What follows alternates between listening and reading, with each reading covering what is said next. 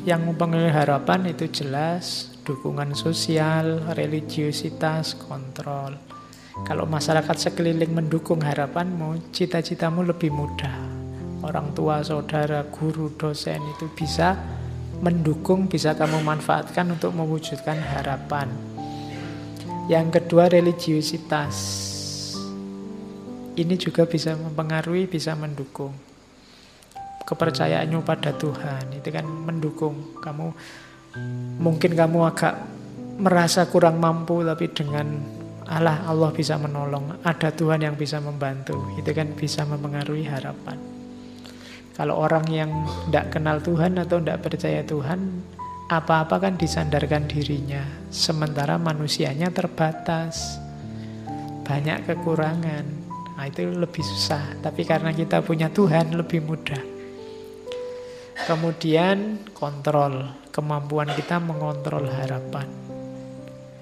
Itu juga mempengaruhi harapan kita. Ada batasnya harapan itu ya. Kamu sadari apa tidak? Harapanmu dibatasi oleh pengetahuanmu, pengalamanmu, lingkungan hidupmu, dan kemampuanmu. Itu pasti. Kenapa kamu mengharapkan itu? Ya karena itu yang kamu tahu, itu yang kamu bisa, itu yang pernah kamu alami. Kamu sadari atau tidak? Itulah batasnya harapan sebenarnya. Yang kedua, batasnya harapan itu usahamu. Maksudnya usaha itu apa? Setinggi apa pun harapanmu, sejauh apa pun harapanmu, kuncinya tidak pada yang tinggi atau yang jauh itu, tapi pada usahamu. Jadi harapan itu penting, baik, tapi kuncinya ada di usahanya.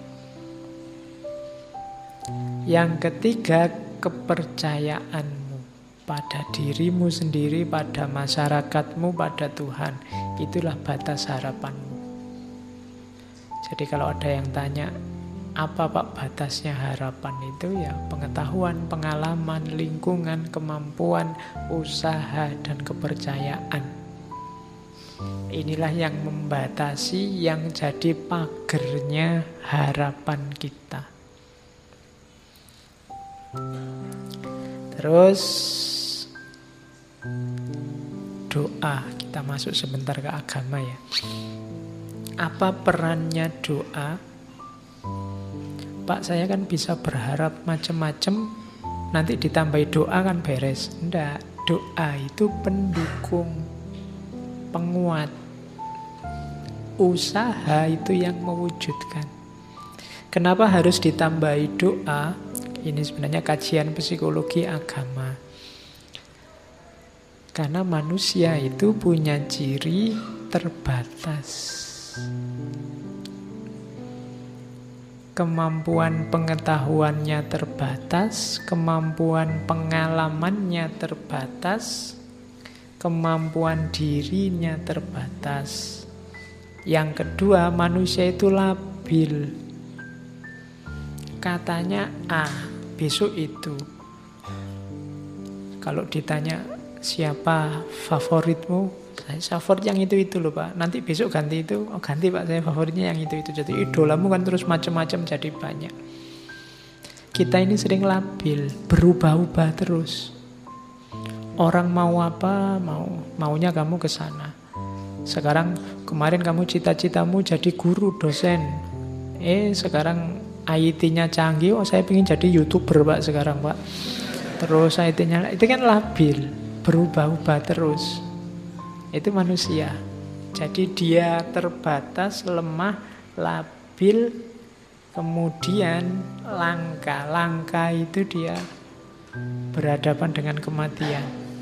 Dia tidak ada terus. Dan ini hubungannya nanti sama Tuhan. Makanya orang perlu berdoa. Manusia tidak bisa ngontrol perbuatannya sampai akhir. Yang saya bisa itu cuma minum.